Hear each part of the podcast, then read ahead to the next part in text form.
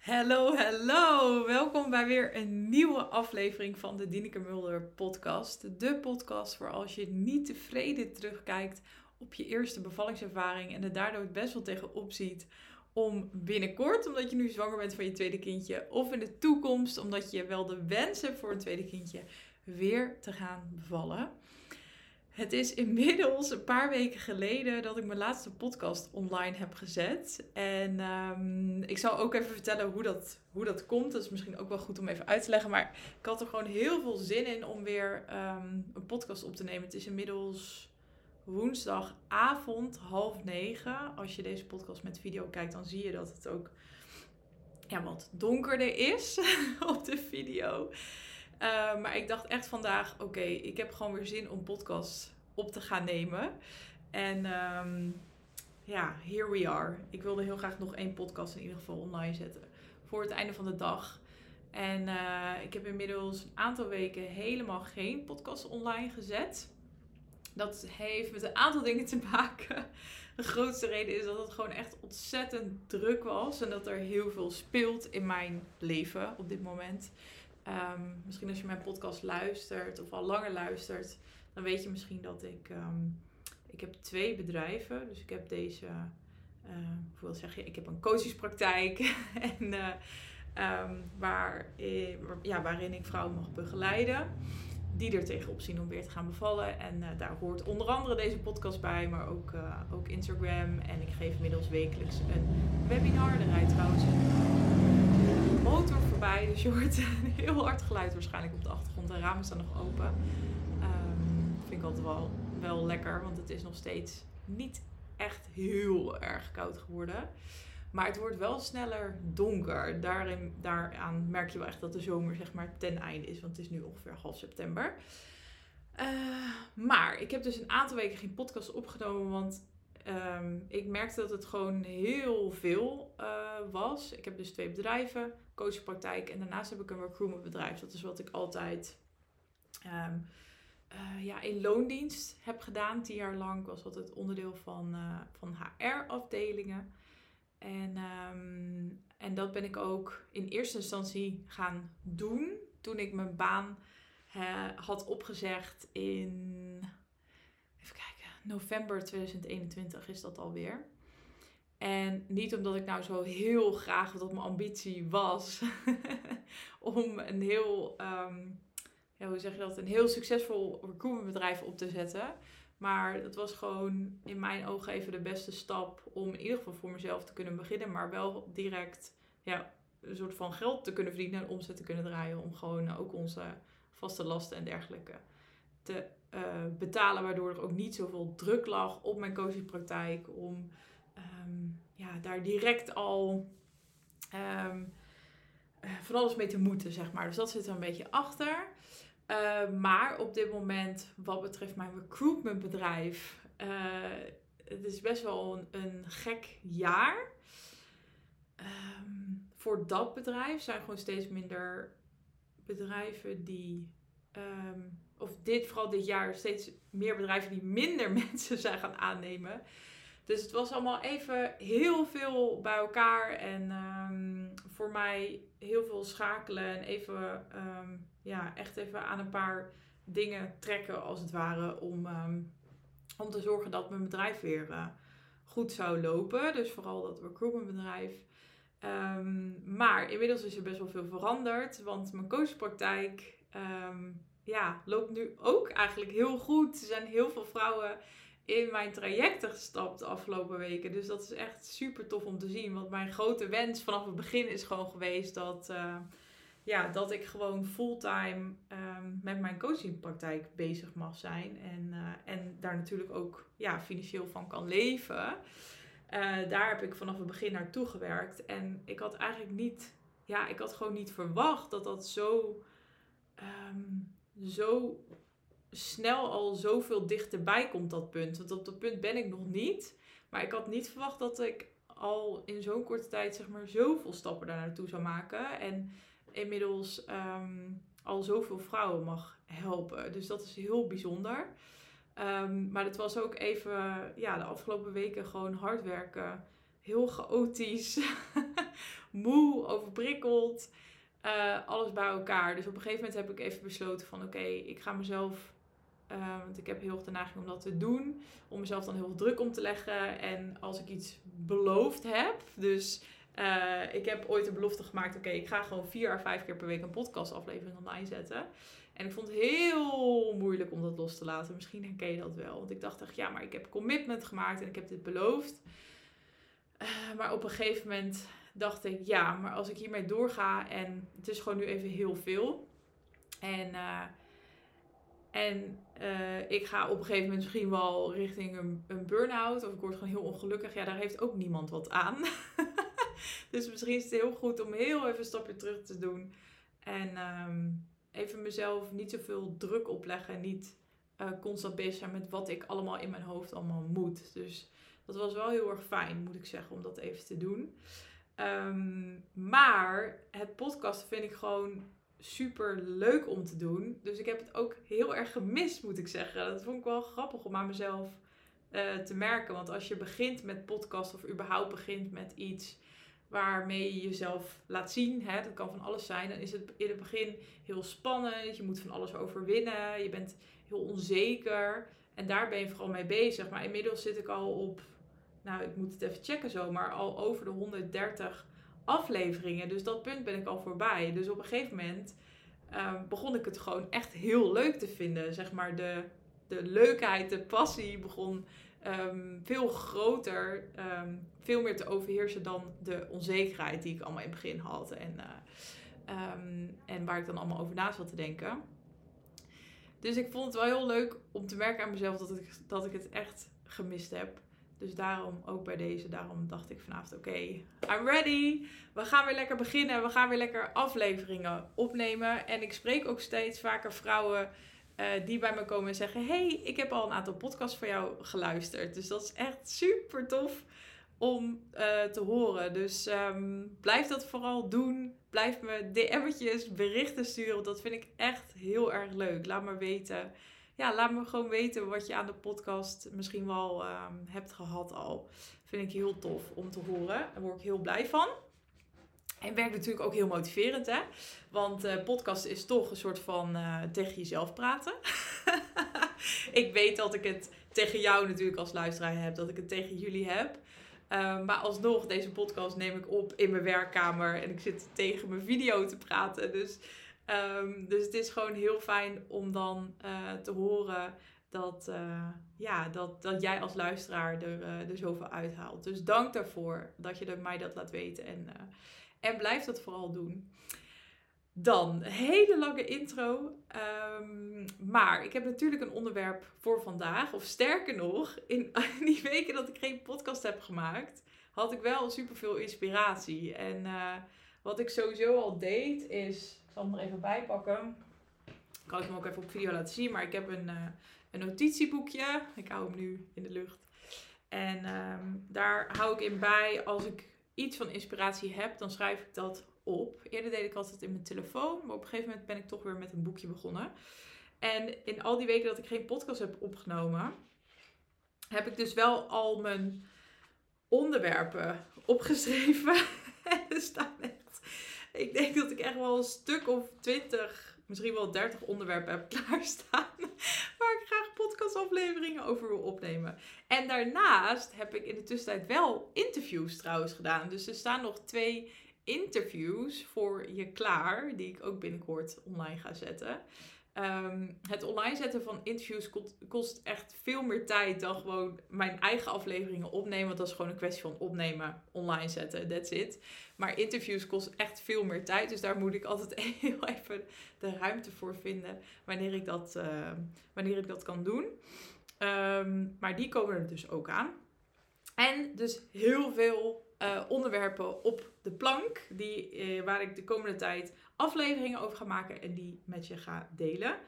En um, mocht je naar mijn podcast luisteren en denken: hey, hier heb ik wel een vraag over, of hier zou ik wel een keer een aflevering over willen horen, uh, laat me dat vooral ook weten. Vind ik, uh, vind ik leuk. En um, dan kan ik kijken of ik uh, antwoord kan geven middels een podcastaflevering op je vraag.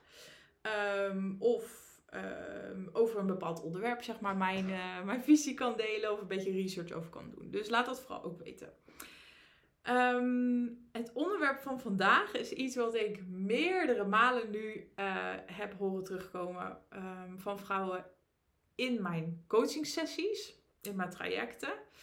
En dit is ook iets waar ik uh, zelf tussen haakjes ingetrapt ben. voordat ik ging bevallen. En um, dat gaat over dat vaak als je voor het eerst gaat bevallen, uh, bijna alle vrouwen volgen wel een cursus. En in die cursussen wordt dan gezegd met de beste bedoelingen: um, uh, vertrouw op jezelf, je lichaam is hiervoor gemaakt. Uh, miljoenen vrouwen voor jou zijn bevallen. Je eigen moeder is van jou bevallen. Wij vrouwen zijn hiervoor gemaakt en je lichaam kan dit.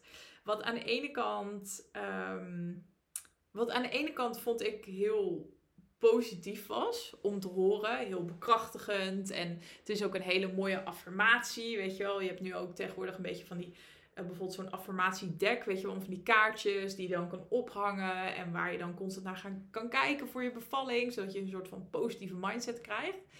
En, um, en aan de ene kant is dat denk ik super fijn en is het, is het inderdaad hartstikke waar. Een vrouwenlichaam is, is gewoon gemaakt om een kind te baren.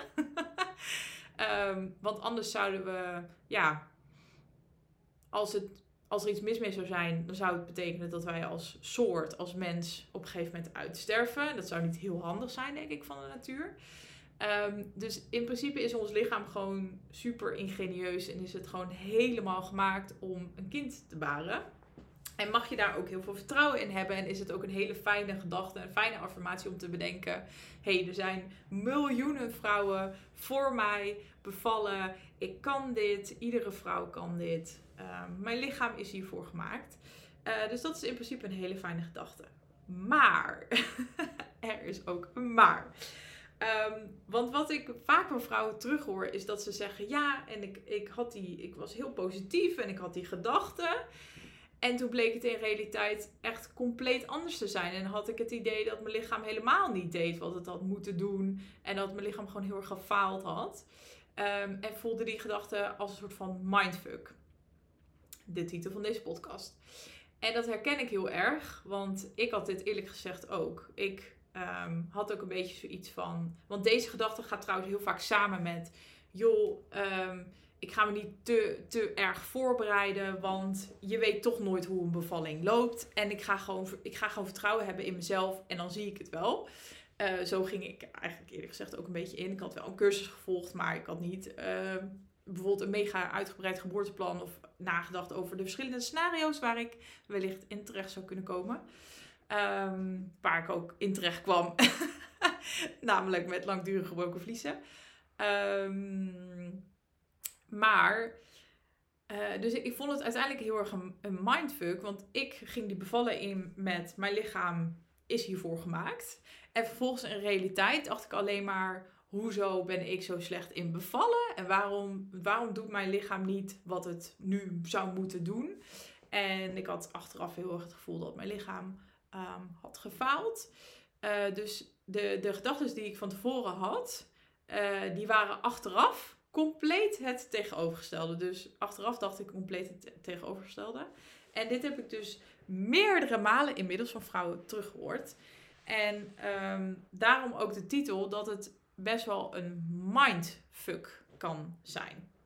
Maar waar heeft dat nou mee te maken? Want die, die affirmatie of die gedachte zelf uh, is in mijn ogen nog steeds hartstikke waar.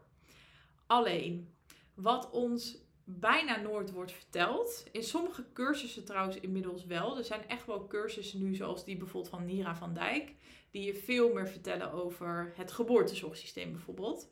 Want wat ons bijna nooit wordt verteld, is dat um, we in situaties terechtkomen. Je komt in een geboortezorgsysteem terecht, wat vaak heel erg haak staat op um, wat jouw lichaam nodig heeft om, ja, om te kunnen bevallen, zeg maar. En om in alle rust te kunnen bevallen. En wat bedoel ik daar dan mee? ik zal even een concreet voorbeeld geven. Nou, ik had bijvoorbeeld heel erg in mijn hoofd, dat had ik geleerd in mijn cursus, dat je ontsluiting vordert met 1 centimeter per uur. Dit is echt iets vanuit het geboortezorgsysteem. En later leerde ik ook nog eens dat het eigenlijk helemaal nergens op slaat. Dat het niet meer, niet, niet meer up-to-date eigenlijk is. Ehm, en dat dit is samengesteld, het heet naam, volgens mij heet dit de Friedmans curve. En het is samengesteld door een of andere vent uh, die dit, uh, ja, die, die, tot deze, zeg dat, tot deze cijfers is gekomen in een tijd waarin vrouwen uh, compleet werden ja, gesedeerd, heet het volgens mij. Dus er is, een, er periode geweest dat vrouwen bevielen onder invloed van echt een hele heftige soort van ja, pijnstilling, waardoor je gewoon maar echt heel letterlijk van de wereld was. Ik weet even niet meer hoe het heet, maar echt heel bizar. Dat je echt helemaal, helemaal oud was en dan werd je wakker en dan was je kind er opeens. Echt heel bizar. Dit is echt gebeurd. Uh, maar blijkbaar stammen die cijfers dus een beetje uit die tijd. Heb ik ooit een keer in een boek gelezen na mijn bevalling. En um, dus het, het klopt eigenlijk niet. Maar het wordt nog steeds gebruikt in heel veel um, ziekenhuizen en door, door verloskundigen. En ik had dit ook heel erg in mijn hoofd. Ik dacht, oké, mijn bevalling begint. En dan is het, dan is het aan. En dan uh, moet ik gaan uh, rekenen. Want dan is het blijkbaar 1 centimeter per uur. Want dat is normaal. Dat is hoe een goed lichaam zou moeten werken. Dat had ik heel erg in mijn hoofd. En de realiteit bleek gewoon heel anders te zijn. En daarnaast, ik was dus in mijn hoofd heel erg met die ontsluiting bezig. En toen ik in het ziekenhuis uiteindelijk aankwam, toen werd daar ook nog eens nogmaals de nadruk op gelegd. Dus er werd, um, ik werd getoucheerd. Er werd echt constant verteld, jij bent niet goed bezig. dat werd niet letterlijk gezegd, maar dat hoorde ik daarin. Je bent niet goed bezig, want je bent nu nog maar op Um, uh, ik was nog niet eens, ik kwam binnen, toen was ik al 12 uur bezig, maar ik was nog niet eens op 1 centimeter. Dus de moed zakte mij in mijn schoenen. Ik werd heel erg gestrest, wat eigenlijk een averechts effect had op de fysiologie, het hormonale proces van mijn bevalling. En dit is slechts een voorbeeld, maar er zijn eigenlijk veel meer voorbeelden. Want in principe gaat een bevalling, jouw lichaam, gaat het allerbeste op je ontspannen kunnen voelen en je veilig kunnen voelen. Dus inmiddels zeg ik heel vaak ja, een vrouwenlichaam is gemaakt om te bevallen, mits je in een setting bevalt die voor jou veilig is. En in die zin zitten heel veel dingen die ik even met je wil doornemen. Want als je mij dit hoort zeggen, is waarschijnlijk het eerste waar je aan denkt: oké, veiligheid. Dus je bedoelt dat ik in het ziekenhuis ben. Omdat ik weet dat als er iets gebeurt, dat ze me komen redden, zeg maar. Tussen haakjes.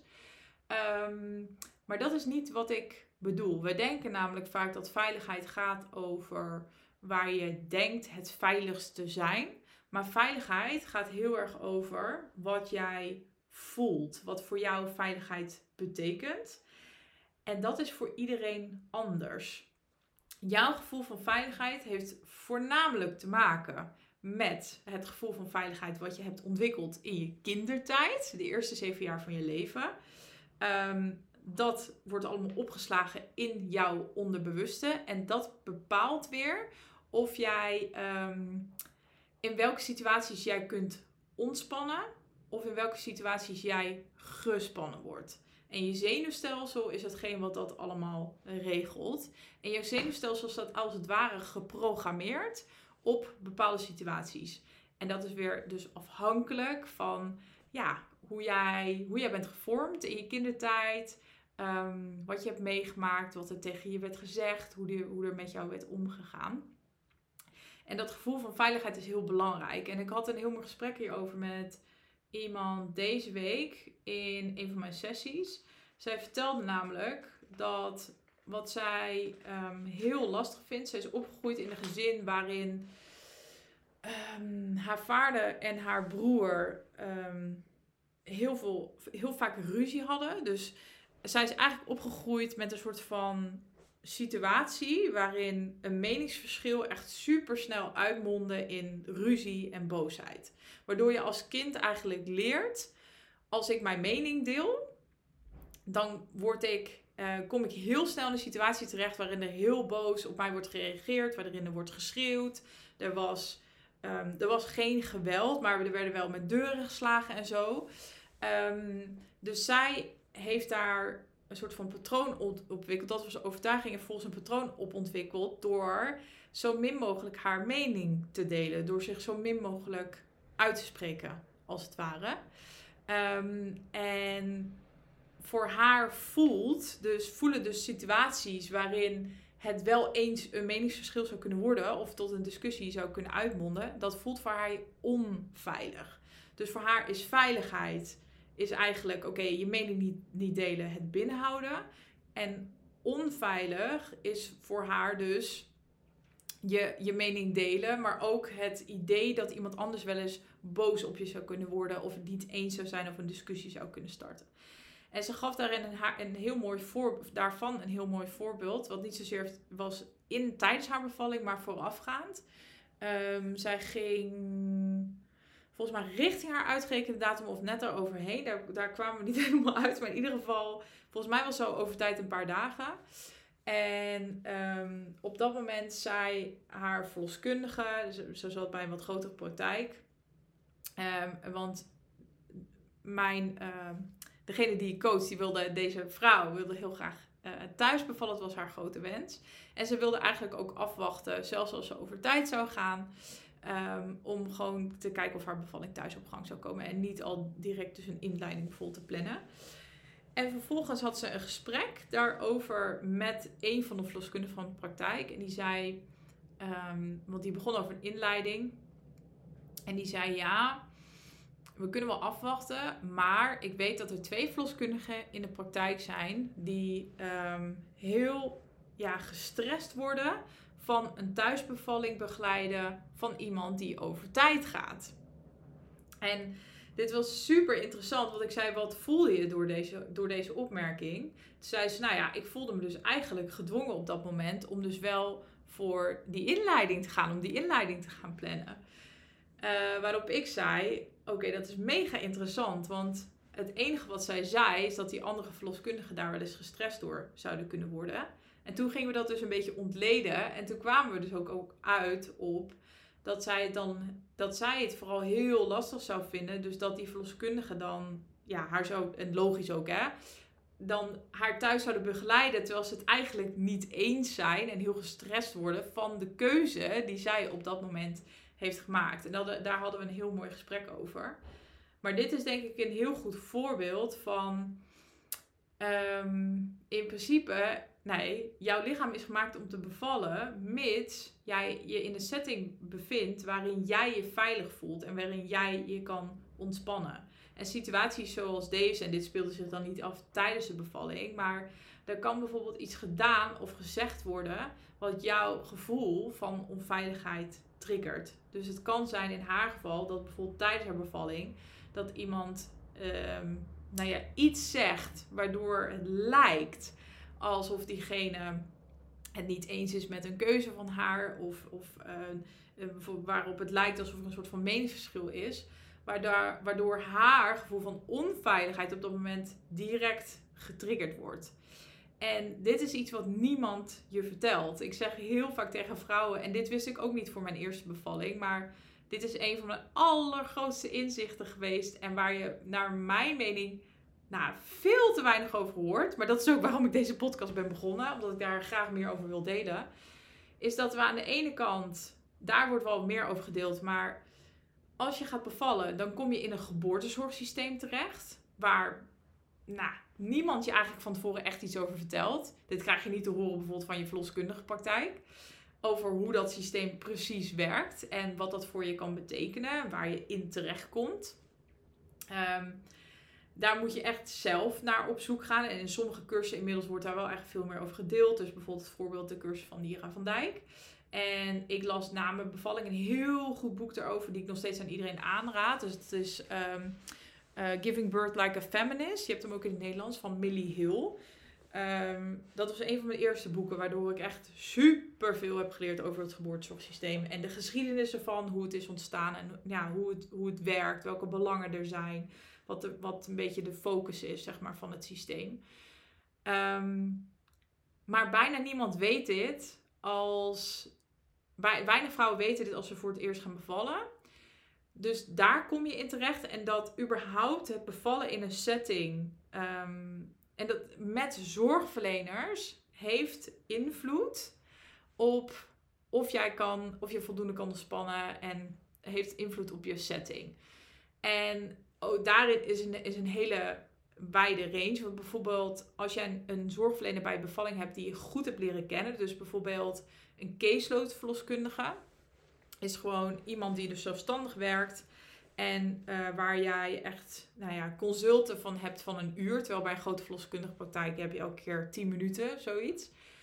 Um, dat maakt dan een heel groot verschil. Want dan heb je dus iemand, een zorgverlener bij je bevalling, die je, nou, waar je echt intensief veel gesprekken mee hebt gehad, die je goed hebt leren kennen. Dus dat doet al heel veel met je gevoel van veiligheid en van vertrouwen. En, en ja, kunnen ontspannen, zeg maar. Ten opzichte van, laat ik zeggen, je bent medisch, gaat medisch bevallen. En er zijn allemaal zorgverleners bij die jij in principe nog nooit hebt gezien. Heel toevallig misschien je eigen gynaecoloog, maar that's it.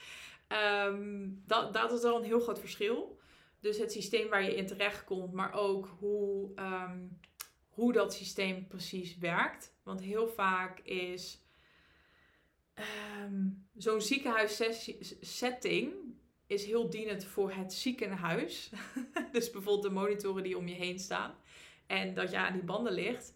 Maar heel veel van die dingen zijn niet per se dienend voor jouzelf. En voor jouw gevoel van kunnen ontspannen en van veiligheid.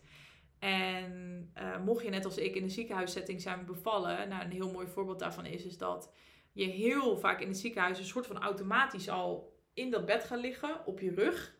Met allemaal banden om je heen. Dus je hele bewegingsvrijheid wordt beperkt. Je hoort overal piepjes, dingen. Er lopen mensen in en uit. Je ziet constant nieuwe gezichten. Privacy uh, gaat weg.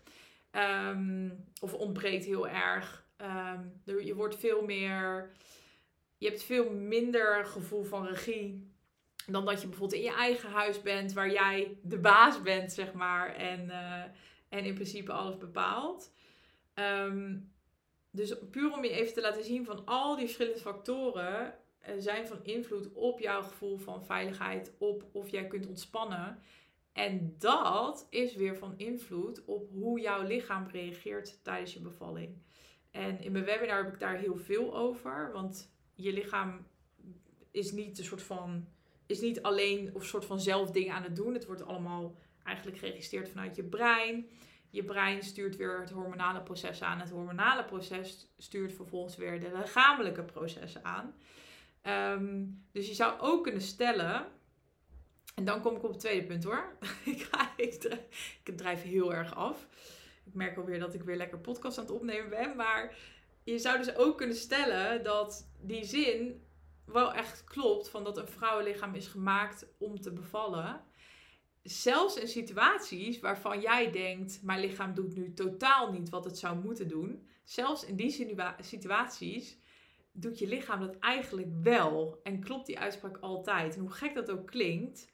Ehm, maar in principe reageer, reageert jouw brein, reageert volgens je hormonen en reageert die lichamelijke processen, dus je ontsluiting, je weeën, het openen van je baarmoedermond, alles, reageert op hoe jij je voelt, zeg maar. Dus hoe jij je voelt op dat moment. Dus op het moment dat jij, en dat is soms bewust, maar heel vaak ook onbewust, op het moment dat je eigenlijk er niet helemaal lekker in zit en niet kunt ontspannen en misschien ook wel zelfs een beetje stress ervaart. En de, je denkt echt van, oh, ik kan dit niet. En je hebt geen vertrouwen meer in jezelf. Of je kan de pijn niet handelen. Dat heeft allemaal invloed op hoe jij je voelt. En vooral dat woord is heel belangrijk. Het gaat over voelen. Niet dat je rationeel weet van, nou ja, ik ben veilig in het ziekenhuis. Maar het gaat over hoe veilig jij je voelt. En hoe veilig jouw zenuwstelsel zich voelt. En op het moment dat daar een factor is wat dat verstoort, zal je lichaam, zullen die processen automatisch een soort van stagneren. En dat heeft een functie, omdat vroeger en toen we nog in de grot bevielen, bij wijze van spreken, en er liep een wild dier naar binnen, was het nodig om dat proces te stagneren, zodat we letterlijk weg konden komen om een veiliger plek eh, te vinden om je, om je kind te kunnen baren, om je kind ter wereld te kunnen brengen. Dus eigenlijk is het een geniaal proces. Alleen als je dat bewustzijn niet hebt, als je dat niet weet, wat ik destijds ook niet had, dan denk je dus: huh, mijn lichaam doet niet wat het moet doen. Mijn lichaam heeft gefaald. Uh, ik ben blijkbaar niet een van die vrouwen die gemaakt is om te bevallen.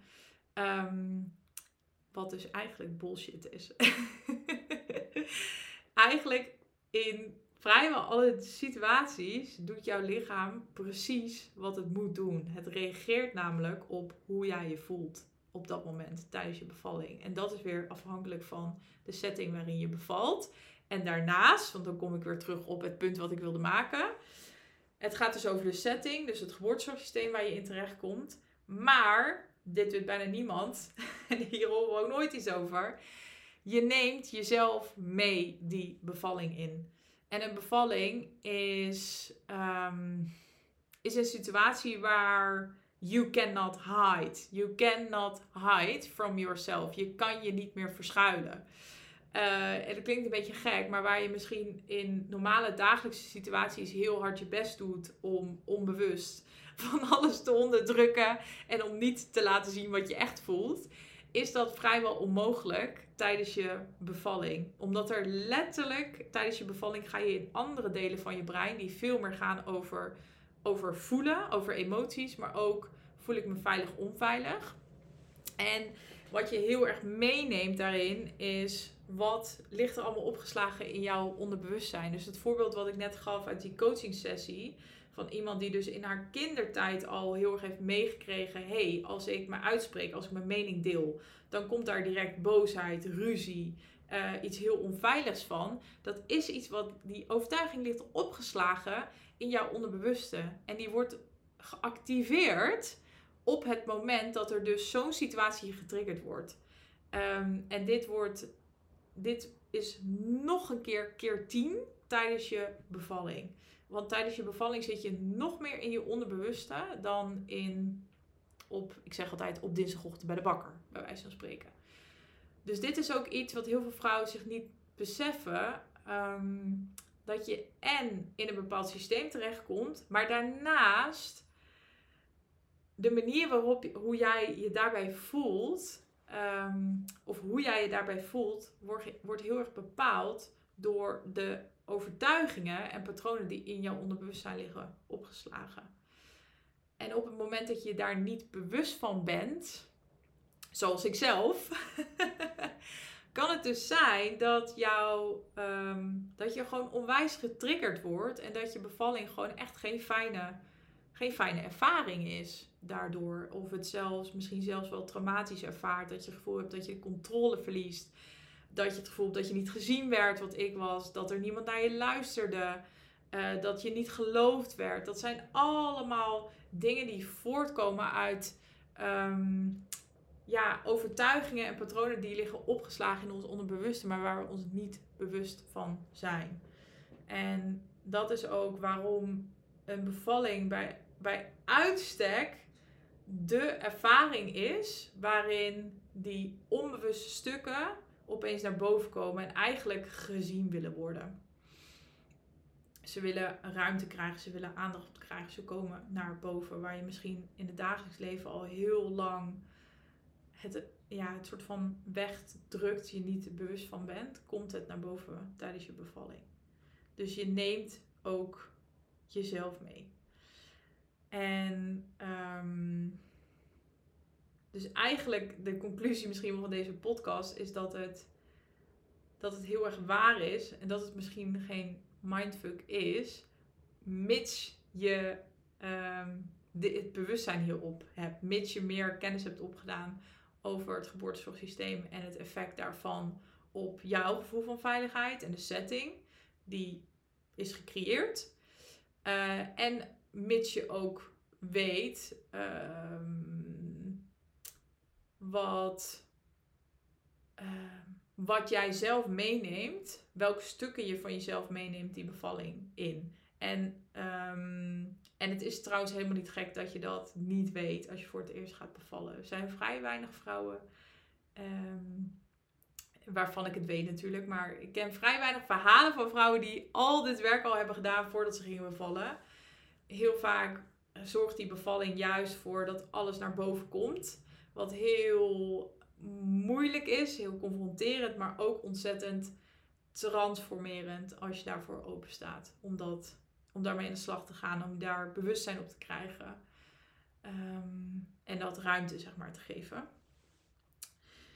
Uh, dus eigenlijk zou je zeggen, ja, ja, we zijn gemaakt om te bevallen, mits we ons in een veilige setting bevinden.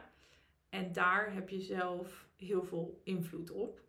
Um, dus eigenlijk zou je ook kunnen stellen dat je lichaam precies doet wat er nodig is in elke situatie. Nou, dus dat, dat wilde ik met je delen. In deze podcastaflevering.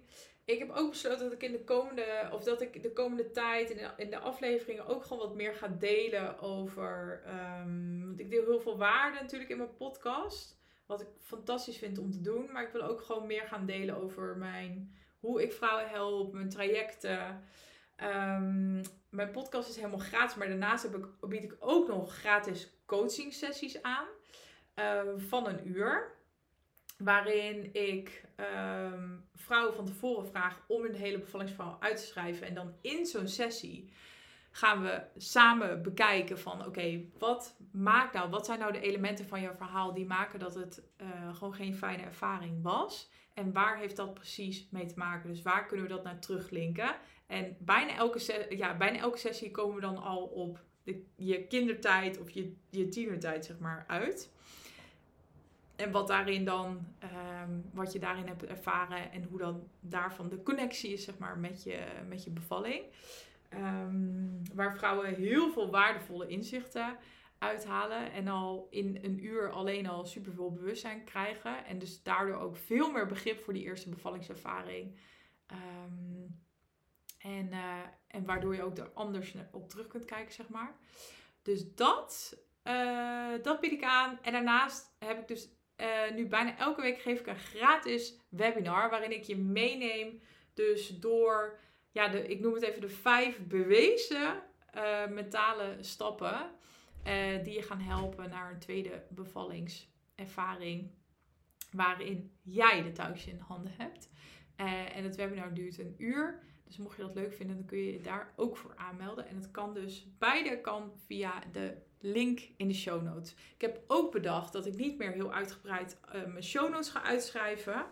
Um, omdat, ik, ik merk dat ik daar dan uh, toch weer een beetje tegenaan zit te hikken. Terwijl het opnemen van de podcast zelf um, kost me echt vrij weinig energie. Dat vind ik heel leuk om te doen. Dus ik zat gewoon heel erg te denken van ja, hoe kan ik dit, hoe kan ik dit, dit proces, hoe kan ik het zo makkelijk mogelijk maken voor mezelf om gewoon weer die 4 slash 5 afleveringen per week online te zetten. Dus geen uitgeschreven show notes meer, maar wel lekker in mijn show notes waar je, hoe je nog meer, uh, nou ja, gratis dus met mij um, aan de slag kunt. En uh, meer van mij kunt leren als je dat leuk vindt. En uh, ja, that's it. that's it voor vandaag. Heel erg bedankt voor het luisteren. Leuk dat je er weer, dat je er weer bij bent, dat je weer luistert. En um, ik, uh, ik, ja, ik zou zeggen tot de volgende aflevering.